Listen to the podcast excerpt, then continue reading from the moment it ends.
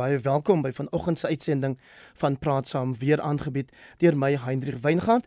Nou ons het in die nuus verneem dat die regering uh sê daar is steeds maatreëls wat geïmplementeer moet word voordat daarmee die nasionale ramptoestand weggedoen kan word. Die aankondiging deur die minister van Samewerkende Regering en Tradisionele Sake, Dr Nkosazana Dlamini Zuma, ehm um, sy het gesê dit word dan nou tot 15 April met ander woorde met nog 'n maand verleng en dit ten spyte van bespiegeling dat die ramptoestand afgeskaf sou word. Dit heers nou al 2 jaar lank weens die koronaviruspandemie en sake en gesondheidskenners en ons weet ook het ons nou nou in die nuus weer gehoor of 'n monitor liewer vanoggend dat die Weskaapse premier Ellen Wendy is een van die mense wat ten sterkste gekanters teen die voortsetting van hierdie rampstaat. Vanoggend hierop praat saam praat ons oor die risiko's verbonde aan 'n nasionale rampstoestand behou of om weg te doen daarmee. En vir die gesprek het ons twee gaste genooi. Hulle is naamlik professor Dewald van Niekerk. Hy is 'n professor in ramprisikovermindering en ook die stigter en direkteur van die Afrika Sentrum vir Rampstudies aan die Noordwes Universiteit se Potchefstroom kampus. Goeiemôre Dewald. Goeiemôre. Dan saam met hom Petrus de Kok van die maatskappy Ruskrikon voorheen verbonde aan Brand South Africa. Petrus baie welkom ook terug hier op praat saam. Goeiemôre en dankie vir die uitnodiging. So kom ons kry net eers by elkeen van julle 'n reaksie op die aankondiging deur minister Dlamini Zuma. Ek begin met jou Dewald, toe jy hierdie nuus gister hoor, wat was jou reaksie? Maar ek was nie verbaas nie, want ehm um, sekere van die regulasies uh, moet nog in plek wees en die regering het nie vinnig genoeg beweeg om daai regulasies onder enige ander wetgewing te sit nie. Ehm um, so ek is ek voel nie verbaas dat dit gedoen is nie. Ehm um, ek het wel verwag dat daar sekere veranderinge gedoen sou word wat nie gedoen is nie. en ehm um, ja, ons, ek dink ons moet verbaas wees dat dat ons nog steeds hier onder sit nie. Daar's uh, uh, die geskiedenis het nou vir ons gewys dat die, die, die regering beweeg maar eintlik 'n bietjie stadig met hierdie goeters. En ehm um, daar's nog steeds 'n bietjie van 'n risiko daar buite. So dis ongelukkig dat ons ons self nog steeds in hierdie hierdie posisie bevind. Dis ongelukkig en dis iets wat ons soort van maar verlief mee moet neem. Meen Dewald uh, Petrus dat die regering hmm. baie stadig beweeg met hierdie soort goed. Jou reaksie in da, op die verlenging van die rampstaat en dan ook net oor wat Dewald nou gesê het. Hmm. Man, ek dink ons moet uh, teruggaan na 2020 toe met toe die dit is nou al 2 jaar soos jy reg aanmerk. Ek dink 26 Maart op die waarheid te sê van hierdie maand is omtrent presies 2 jaar sedert die eerste aankondiging. Nou, ek dink ons moet herinner word aan die bizarre besluite wat al geneem is in hierdie 2 jaar. Byvoorbeeld 2020 die uh, verbanning van die verkoop van tabakprodukte byvoorbeeld vir maande. En agterna kyk ons terug en ons sien maar dit is eintlik maar net die smokkelaars wat uh, geld gemaak het uit die proses uit. Jy weet dit het absoluut geen sin gemaak om om so besluit te neem. So die risiko in die aanhoudende uitrol basies die die die wegskop van die doelpaal uh, in die afstand in om 'n einde te bring aan aan hierdie uh, ramptoestand is dat irrasionele besluite bly geneem word en ook dat daar internasionale studies in lande soos Amerika en Wes-Europa al gepubliseer in die laaste paar maande wat duidelik sê die aanvanklike besluite om die wêreldekonomie en lande se ekonomie toe te sluit vir hierdie virus was eintlik 'n baie slegte besluit geneem want die sosiale ekonomiese koste daarvan wat ons nou mee en wat ons nou in die gesig staar uh, soos hulle in Engels sê die cost benefit analysis maak nou net eenvoudig glad nie sin nie. Nou ook professor uh, Shabir Maddi hy vandag in uh, Daily Maverick aangehaal waar hy ook van Wits Universiteit waar hy ook net sê jy weet dit, dit maak absoluut net geen sin nie en ek stem saam met die ander gas. Natuurlik is wel was die regering waarskynlik te stadig geweest om sekere ander regulasies en en wet mense kan sê wetlike instrumente in plek te sit. Maar ek dink ook nie dit is noodwendig 'n verskoning nie, want ek dink 'n ander probleem wat ons mee sit is dat dit is nie net die tipe irrasionele besluite wat geneem word nie, maar hierdie uh, ramptoestand maak ook natuurlik die deur oop na korrupsie. Ons het gesien ons saglike 3 miljoen rande se korrupsie net rondom uh, persoonlike beskermingsmateriale byvoorbeeld. Nou al daai tipe besluite wat onder jou ramptoestand uh, gaan die nasionale die die die nasionale uh, treasury ek kan nie Afrikaans woord onthou nie Ehm um, daar sekere ehm um, regulasies wat jy nie hoef ehm um, na na te kom uh, in terme van aankope van sekere goed. So dit maak die deur ook vol saglike misbruik uh, van die stelsel. En ek dink net 'n laaste vinnige opmerking wat ek dink tog belangrik is. In Februarie was daar die Munich uh, sekuriteitskonferensie gewees en Bill Gates het daar gepraat. Hy het 'n baie interessante opmerking gemaak spesifiek oor Afrika.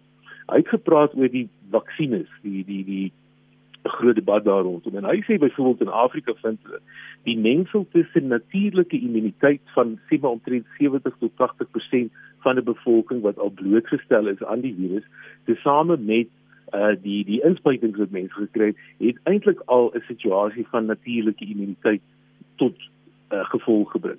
So nou is die vraag as 'n mens uh mense in die internasionale bedryf sulke opmerkings wil maak, dan vra jy jouself maar hoekom is ons dan nou nog in 'n ramptoestand? In hierdie Daily Maverick artikel van vandag word presies dieselfde opmerking gemaak rond op Suid-Afrika.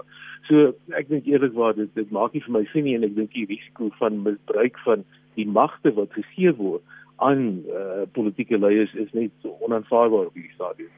Oppositieleiers deewald en ons hoef dan nie hiervan 'n politieke gesprek te maak nie. Die politici praat uiteraard vir hulle self, maar ook gister op ons program middagprogram Spectrum het ons gehoor hoe sê John Steenhuisen van die DA in reaksie op hierdie verlenging van die rampstaat dat dit gewone geval is van 'n politieke party, 'n regerende party wat hierdie bykomende magte wat hy nou het weens die rampstaat wil behou om vir so lank as wat dit moontlik is steeds die burgery te in te perk op 'n manier wat ons natuurlik nie normaalweg ervaar nie.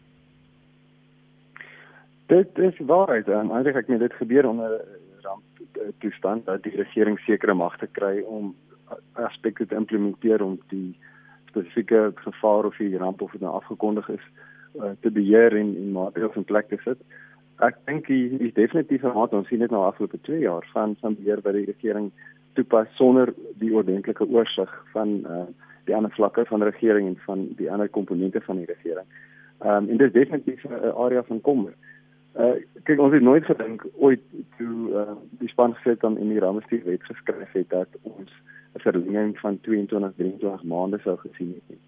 En ehm um, ons het ook nie gedink dat die rampbestuur uh, wet getoegepas sal word in 'n uh, staat van 'n pandemie.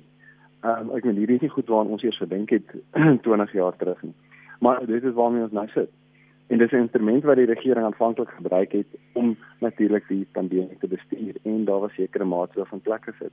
Maar net met Petrus saamstem van hierdie goeters is gedoen omdat daar sterk wetenskap agter dit is. Daar is ja, al baie lot snaakse besluite geneem wat mense nie sal kan klaar nie en ek verseker die ministers kan nou nog nie regverdig hoekom dit gedoen is nie. Uh, maar wat ons nou nog moet kyk is realiteit is die die uh, rampstaat gee die regering nog steeds die mag om hierdie regulasies te implementeer. Ons weet daai regulasies word al hoe minder en dit minder streng. So mens moet werklik na die situasie kyk en sê regverdig wat ons nou sien nog steeds die definisie van 'n ramp. En as jy dit uit die wet uitvat en jy lees dit en jy pas dit toe op die situasie wat ons nou het, um, is daar nie gronde om te sê ons bevind onsself nog uh, in 'n ramp nie. Daarom word dit bevraagteken kom dit ons 'n rampstaat nog nog nodig. Die enigste klein kan ek sê voordeel van die ramp van die van die rampbestuurwet in hierdie geval is dat dit is voorkomend van aard. So as ons kan sê daar is nog 'n uh, moontlike risiko van iets wat gaan gebeur in die toekoms, miskien 'n vyfde golf, dan regverdig dit ehm um, die die rampstaat en ons wil voorkomend optree. Maar ons het nie genoeg data om dit te doen nie. Tans kan ons nie sê dat die regulasies wat in plek is word in elk geval toegepas en dat dit enige impak het nie. So dit is die tipe goeders wat ek dink net van 'n ramp risikobestuur begin is wat wat nie heeltemal sin maak binne die die rampstaat in die stadium. Ek wil nou by jou weet Petrus 2 jaar gelede was ons dink ek stem almal saam in 'n situasie waar 'n ramptoestand wel noodsaaklik was. Wat bly jou by van daai periode? Oei, ek het net daar gedink ek sou ongelukkig die grap in Engels moet maak. Jy weet, ek glo mense het al gesê the worst thing about 15 days to flatten the curve is the first two years thereof. Wat wat beteken dat nou maar goed, jy weet die wêreld het skielik in Maart van 2020 het ons in hierdie bizarre situasie gegaan van uh lockdowns, uh flight ekonomie toe ja, mense in die huis en ehm um, Maar dit het gelei tot onsaglike vergrype en nie net in Suid-Afrika nie. Kom ons gaan kyk in byvoorbeeld Kanada. In die laaste maande het Kanada, ek is seker van baie van die luisteraars dit gesien het, die die die ehm um, uh die die die truckers soos hulle gesê het, die opstand daarvan teen 'n mandaat van die regering wat vereis dat jy boete inspuiting hê om te kan aanhou werk of 'n 'n grens oorsteek. Nou kom ons fokus op daai woord mandaat. Daar's al heelwat mense wat daaroor geskryf en kommentaar gelewer het, veral in demokratiese omgewing. Skielik 2020 breek aan. Ons gaan in hierdie ramptoestand in en nou kan 'n minister basies 'n minister se woorde wat geuiter word is wet, is regulasie, is 'n mandaat. En dan moet jy jouself gaan vra maar waar wat is die begronding daarvan in ons wet? Hoe verantwoord jy dit teenoor die grondwet in Suid-Afrika? En dit is nie net 'n vraag in Suid-Afrika nie. So ek sou sê die les wat ons geleer het, ja, ons was gekonfronteer as 'n wêreld met 'n risiko. Ek dink daar was onsaglik oorreaksie geweest, nommer 1. Nommer 2, die groter preekie gevolge daarvan sien ons vandag en ek dink die groot risiko vir ons in die, in die demokratiese land is dat dit is ons verwater die demokrasie, ons ondermyn ons vryhede deur net eenvoudig soos hulle in Engels sê roll over and play dead jy moet nou maar net dit aanvaar en ek dink ons het heeltemal te ver gegaan op daai pad van net aanvaar 'n uh, 'n uh, uh, uitspraak jy weet wat gemaak word onder omstandigheid wat baie keer soos ons die ander gas ook al gesê het jy weet besluite en regulasies het goed bedeeg gekom dit net absoluut bizar is. So ek sê die les wat ons hier uitneem is dat demokrasie moet onder alle omstandighede beskerm word selfs wanneer ons dink daar is 'n pandemie wat ons gaan uitwis. Maar laat ons onthou daai virus het tot vandag toe nog steeds minder as 'n 0% uh dode syfer. Jy weet van mense wat dit kry. So nou begin mense baie ernstige vrae vra. Jy weet oor is hierdie werklik 'n pandemie of word dit ook as 'n verskoning gebruik as 'n beheermeganisme oor samelewing? En ek dink daar is die rooi gevaarligte vir ons in die toekoms. Die wil kom ons luister gou na wat hierdie luisteraars uh wil bydra tot die gesprek en dan vra ek jou en Petrus om daarop te reageer. Goeiemôre Jody, dankie vir die program. My naam is Thomas van Mitchelsplein. My mening is dat die regering hierdie rampstoet ramp toestand onmiddellik moet ophef. En die mense vrystel in Suid-Afrika want hulle hou die mense gevange al vir 2 jaar. Met hierdie ramptoestand mense versmoor onder die maskers wat ons moet dra elke dag. Staan dat die ekonomie kan ook na die land weer herbou kan word, dat die mense terugkeer na 'n normale lewe. Baie dankie. Goeiemôre Hendrik, dit is Sandra van Durban wat praat. Alwaaroor dit gaan is Ramaphosa en sy patetiese regering wil ons nie beheer. Dis alwaaroor hierdie ramptoestand gaan. Daar is lankal nie meer beheer oor enige iets anders nie. Hulle wil ons nie beheer bewys hulle kan ons beheer met die. Goeiemôre. Ek dink hierdie hele storie gaan net oor mag. Ehm um, Dr Zuma ehm um, wil absoluut net 'n diktator wees. Sy wil vir ons absoluut oorheers en beheer En uh, ek wonder wat gaan sy doen as die mense begin opstaan teen haar want ek bedoel wanneer is genoeg genoeg. Mooi dag. Totsiens. Goeiemôre. Uh soos ek die situasie lees, is die regering uh uh wil eers wag om te kyk wat die impak van COVID-19 gedurende die wintermaande gaan hê en dat hulle dan uh uh, uh April maand uh daarna 'n finale besluit sal neem. Um ek glo dit sal positief wees en dat die ramptoestand dan wel um afgeskaf sal word. Groetnis. Uh goeiemôre Heinrich, dit is Frans van Amakwa hierso. As 'n man kyk hoor ek dan is dit eintlik die sake werk dan en, en mense is afgevorm wat nou die regering wil uh, hof toe vat.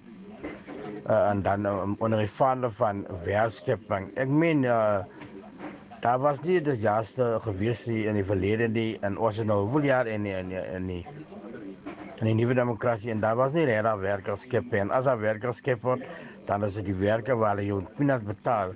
So sê u vir my uh, uh of jou paneel daar uh dryf hulle waarskynlik agenda as dit gaan nie oor winsgesjaar het of waar gaan dit nou eintlik regtig? Is dit regtig wat kom net oor oor 'n uh, werkskeping, oor armoede of gaan dit oor iets meer as net dit gaan gaan dit oor iets dieper. Baie dankie, mooi dag vir julle. Die ANC regering kies die maklike pad om net geld uit te deel, maar nie die ekstra mil te stap om werkverskaffing te voorsien nie.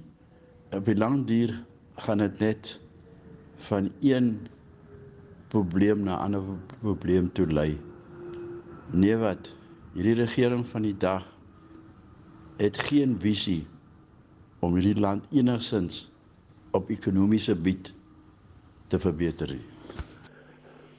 Wat hoor jy daar Dewald behalwe groot agterdog? Ja, Henrik, ehm um, dat uh, jy van 'n ramprisiko in 'n wetlike perspektief is 'n paar goeie wat hier uitkom. Een die regering ehm um, moet relatief versigtig wees ehm um, oor hoe hulle in die toekoms die wet rampbestuur gaan toepas. Die probleem waar ook mee gaan sit is ehm um, en ek praat nie as 'n politieke kommentator nie, uh, maar net van 'n ramprisiko bestuur is dat um, in die toekoms is daar moontlikheid dat ons weer met nasionale rampe gaan sit van een of ander aard, soos 'n vloede of brande of droogte of wat dit ook al gaan wees. En dit skep 'n situasie van soos 'n Engels sê 'n cry wolf waar die mense nie ehm um, die woord of die term die ramprisiko bestuur word ramp bestuur word amper gevloek word.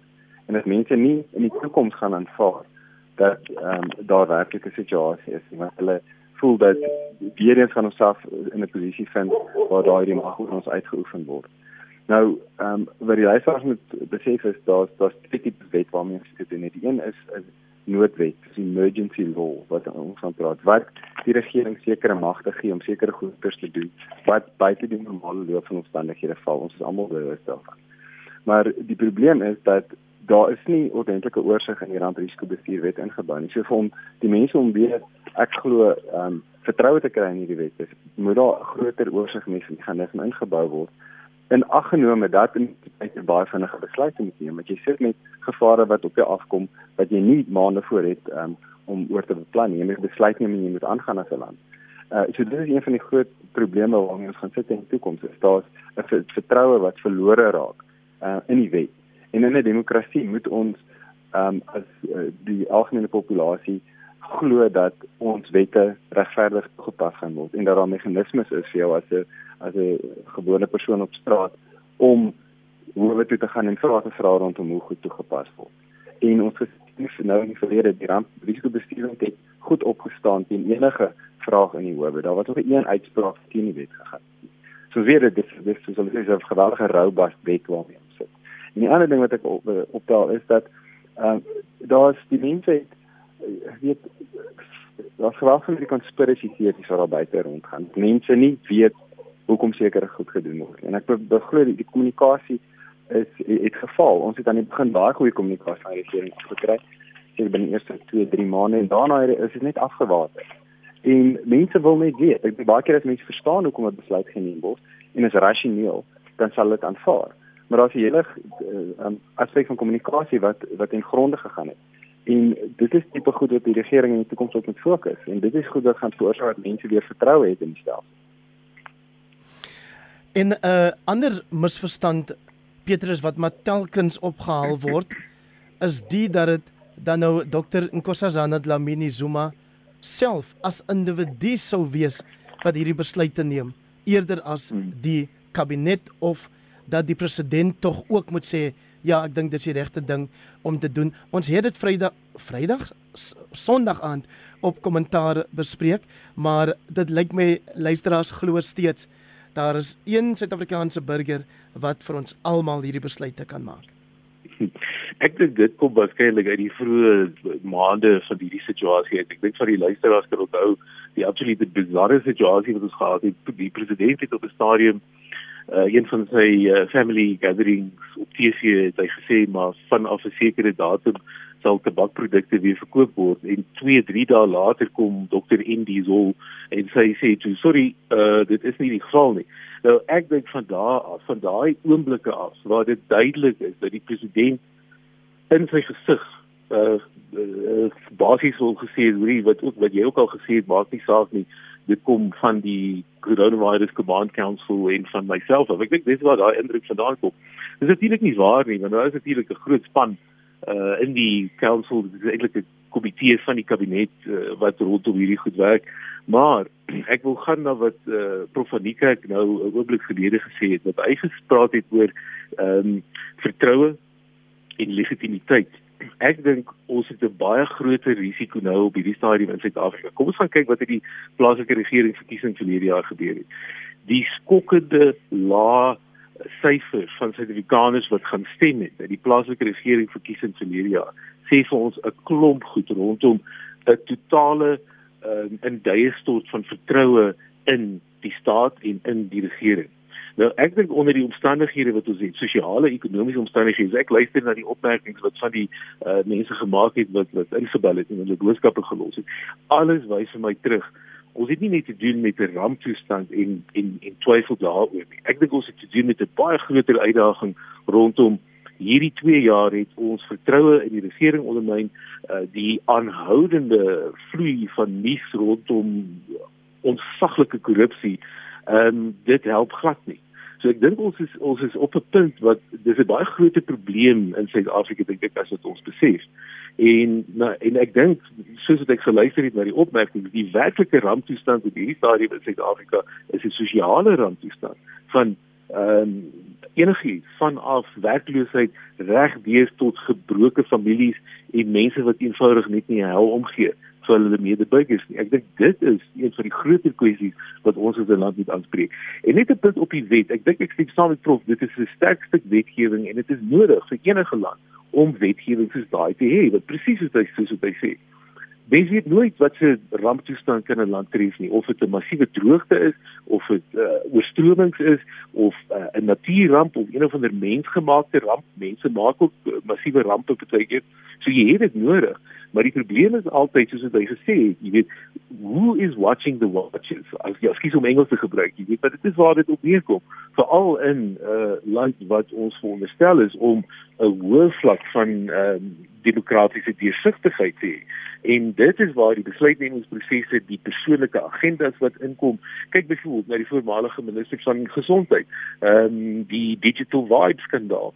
Nou al daai soort van goed wys terug 'n vinger na die regering en sê maar hoorie so nie 'n enkele een van julle besluite of optredes gee die burgery van Suid-Afrika enige rede om vertroue te hê in enige een van julle besluite nie. En ek dink dit is 'n risiko wat na 20 soos dit ons na 2024 toe gaan en verby 2024 dit gaan 'n uh, 'n uh, 'n uh, redelike groot uitdaging vir ons raak. En dan skryf jy Petrus uh, in uh, Engineering News dat indien 'n nasionale koalisie tussen oppositiepartye sou oorneem by die ANC in 'n toekomstige verkiesing sal die parlement verlam word daardeur. En uh, ek weet nie wat se hmm. risiko's dit ook nog inhou nie. Wil jy iets sê oor die verwysing wat ek gemaak het Petrus na jou hmm. voorspelling dat indien ons in die toekoms 'n koalisieregering sou hê hmm. bestaande uit oppositiepartye soos wat ons hulle nou ken dat dit ook nie noodwendig goeie nuus beteken nie want jy het verwys na die wantroue in die huidige regering. Hmm. Man gou-gou net agtergrond, ek dink vir die luisteraars as hulle na ons webwerf eh, www.riskrecon uh .co.za gaan. Ons het 'n verslag uh, vrygestel nou in Februarie met die titel is um the South African case is local government failure the first stage of state collapse. Ek het my uh besigheidsvernoot Dr. Kingsley Makubela die verslag saamgesit toe die verslag vrygestel het en jy daai stukkie verwys in engineering news die konteks is as jy kyk wat het die vorige termyn van plaaslike regering gebeur het in die absolute mislukking in party metros veral om koalisieregerings op die been te bring kyk in januarie van hierdie jaar toe in Johannesburg by die eerste sitting van uh, die die die raad hierso wat het gebeur daar in gevegte rondom uh, voorsitters van komitees, uh filibustering op die vloer van die raad ensovoorts ensovoorts. Hier is die vraag wat ons vra. Op 'n plaaslike regeringsvlak is jou jou jou jou jou mandaat as 'n uh, uh mense wat verkies is om die burgery te verteenwoordig. Dit is baie meer direk. Dit gaan oor water, straatligte, riool, ehm um, slaggate die paaie ensovoorts. Maar nou kry jy dit nie reg om op 'n plaaslike regeringsvlak in 'n funksionele koalisie in te gaan waar almal die argument voer ons moet uh dienste lewer, ons moenie korrup wees nie, maar ons kan nie in 'n stabiele koalisie kom om dan daai dienste te verskaf nie. Nou volgens my en en Dr Bakubela dit oortuig ons glad nie dat Suid-Afrika op hierdie stadium die kapasiteit het sou 'n nasionale verkiesing gebeur en sou die huidige regerende party sê minder as 50% kry en jy moet een of ander koalisie onderhandel. Ons is nie oortuig dat dit op 'n nasionale vlak enigstens beter gaan gaan nie. En ek dink dit het eh, dit wys ons saglike rooi vingers na ons politieke kultuur.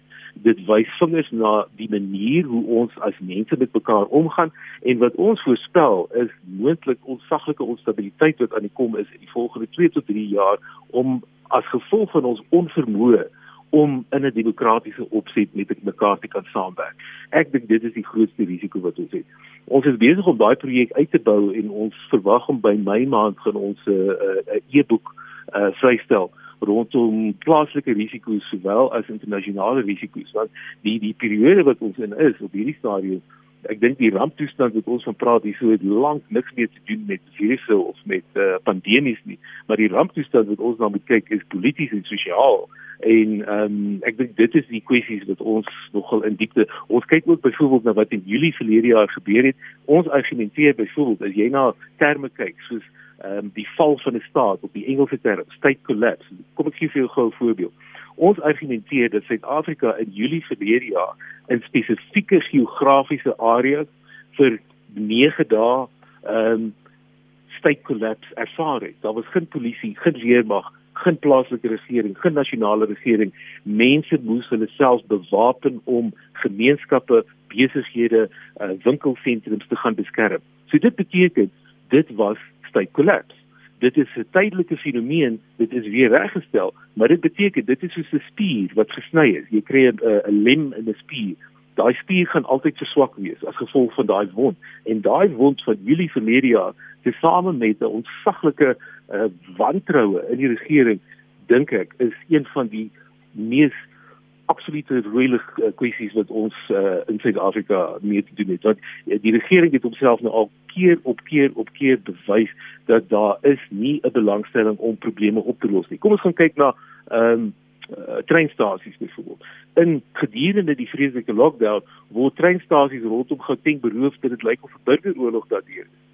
As jy nie eers 'n treinstasie as 'n nasionale ehm um, uh, wat sien hoe ek wil met die Engels gebruik asset. 'n Treinstasie is 'n asset. Selfs al is dit 'n klein stasie wanneer daai ding verwoes is, die koste nie net vir die staat om dit te herbou nie, maar die sosiale koste vir mense wat nou nie meer toegang het tot daai diens nie. Ons dink nie so nie, maar ons het nog steeds 'n minister Fikile in Balula wat homself Mr Fixit noem, maar my magtig, ek kan nie sien dat daar enigiets reggemaak is in die laaste paar jaar nie.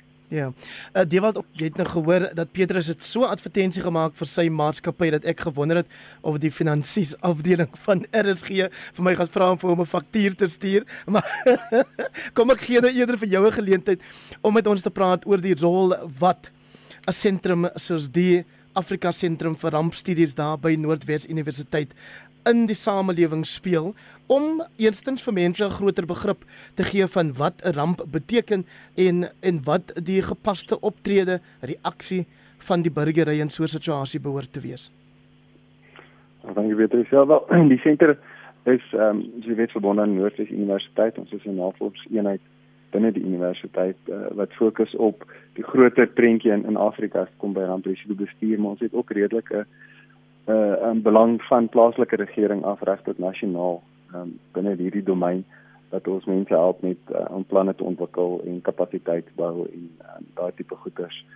Ehm um, nou ek weet wat ons nou ervaar het die afgelope ruk is dat ehm um, ja daar's daar's twee komponente wat hier sprake is binne ramprisiko bestuur en dit is die tegniese komponent van die mense wat op die grond werk wat amptenare is binne die regering of wat in die organisasie in die regeringsorganisasies werk.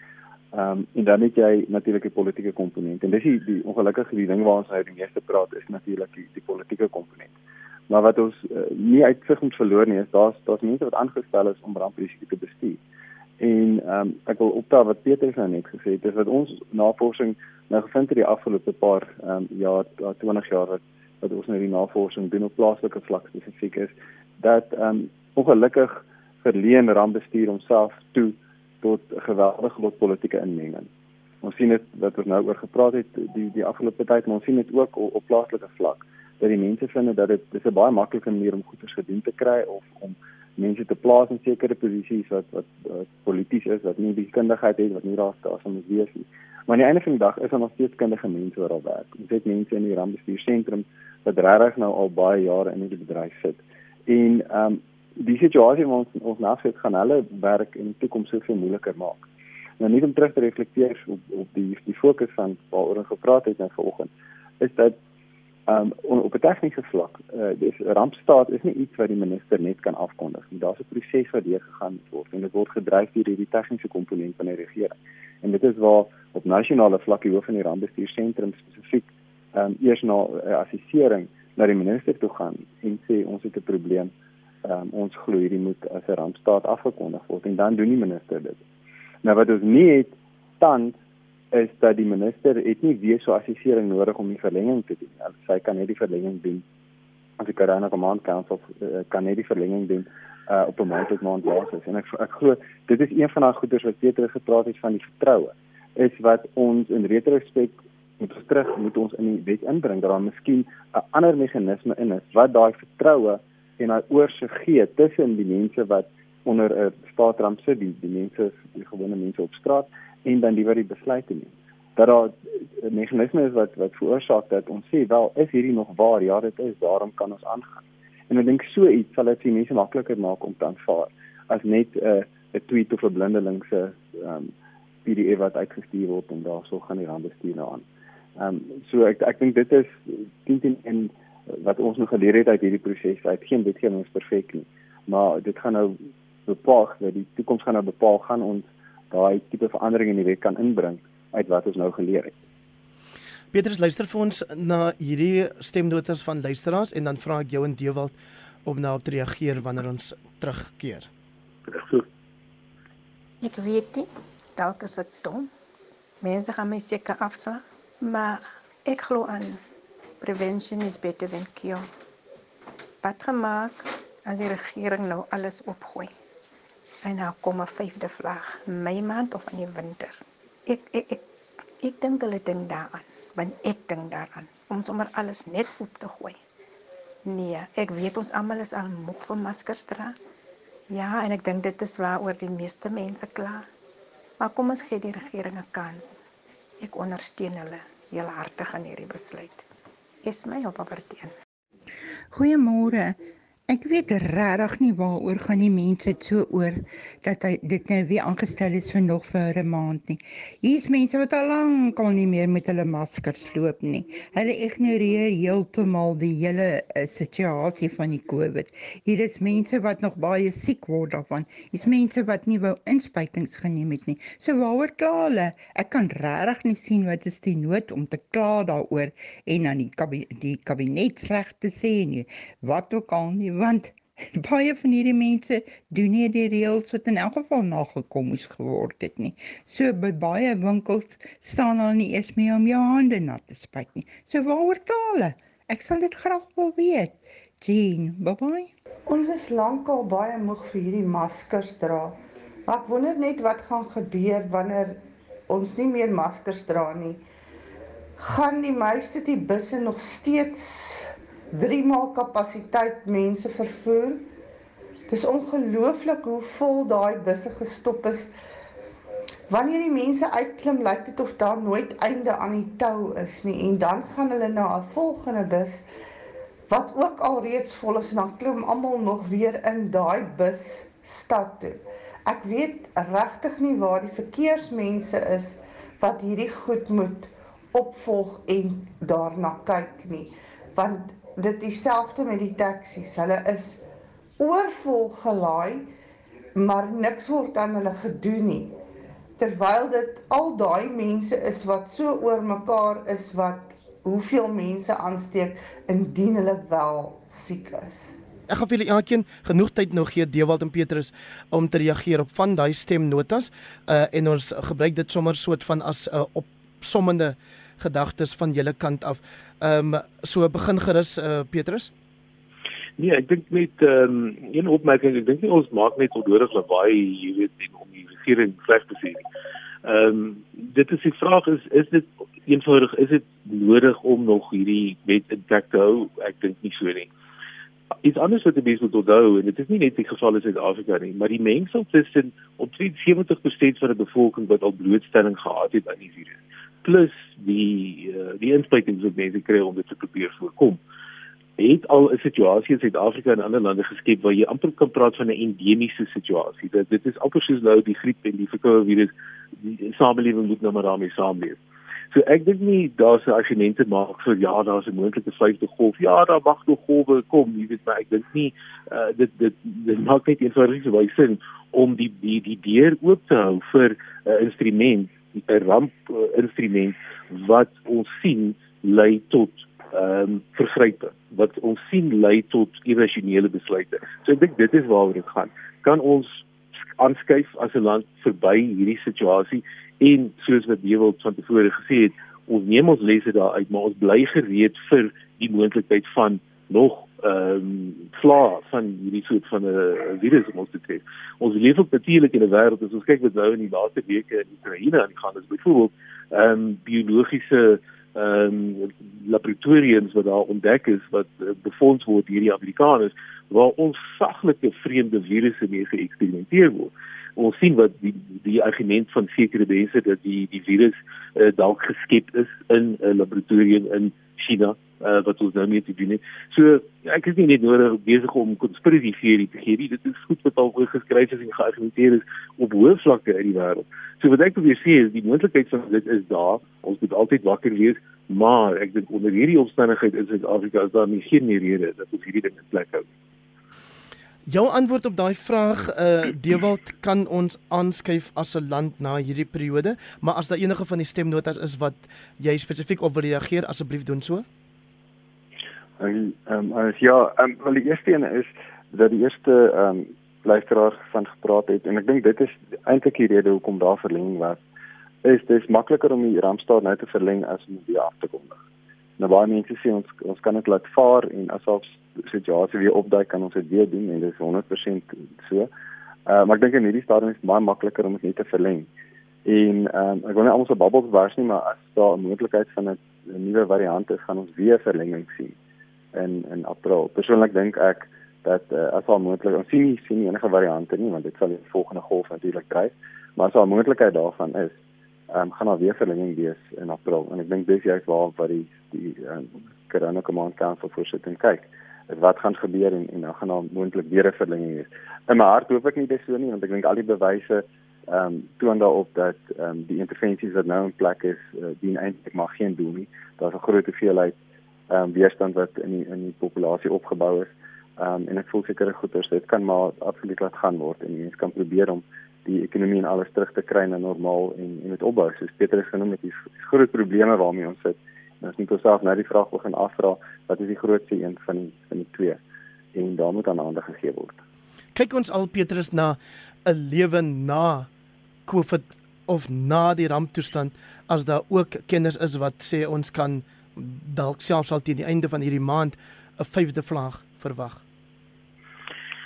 Man, ek dink uh, ek dink dis wat ek gesê ek dink ek dink dit is 'n endemiese situasie. Ek ek dink nie uh, daar's enige rede vir vir drama meer op hierdie stadium nie. Ek dink dit is deur en deur bewys nie net in Suid-Afrika nie, maar in verskeie ander lande.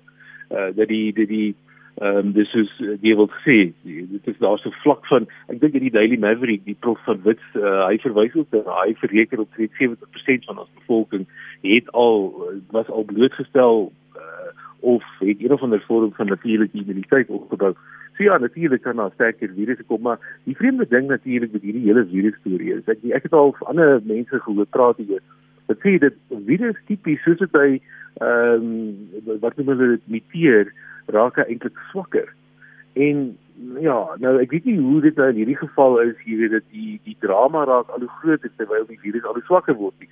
Bill Gates byvoorbeeld het hierdie by die sekuriteitskonferensie sy opmerking was dat Omicron wat byvoorbeeld in Suid-Afrika geïdentifiseer is, is beter as 'n natuurlike vaksinne as die uh, die die wat geproduseer word deur die maatskappye omdat dit help om natuurlike immuniteit op te bou.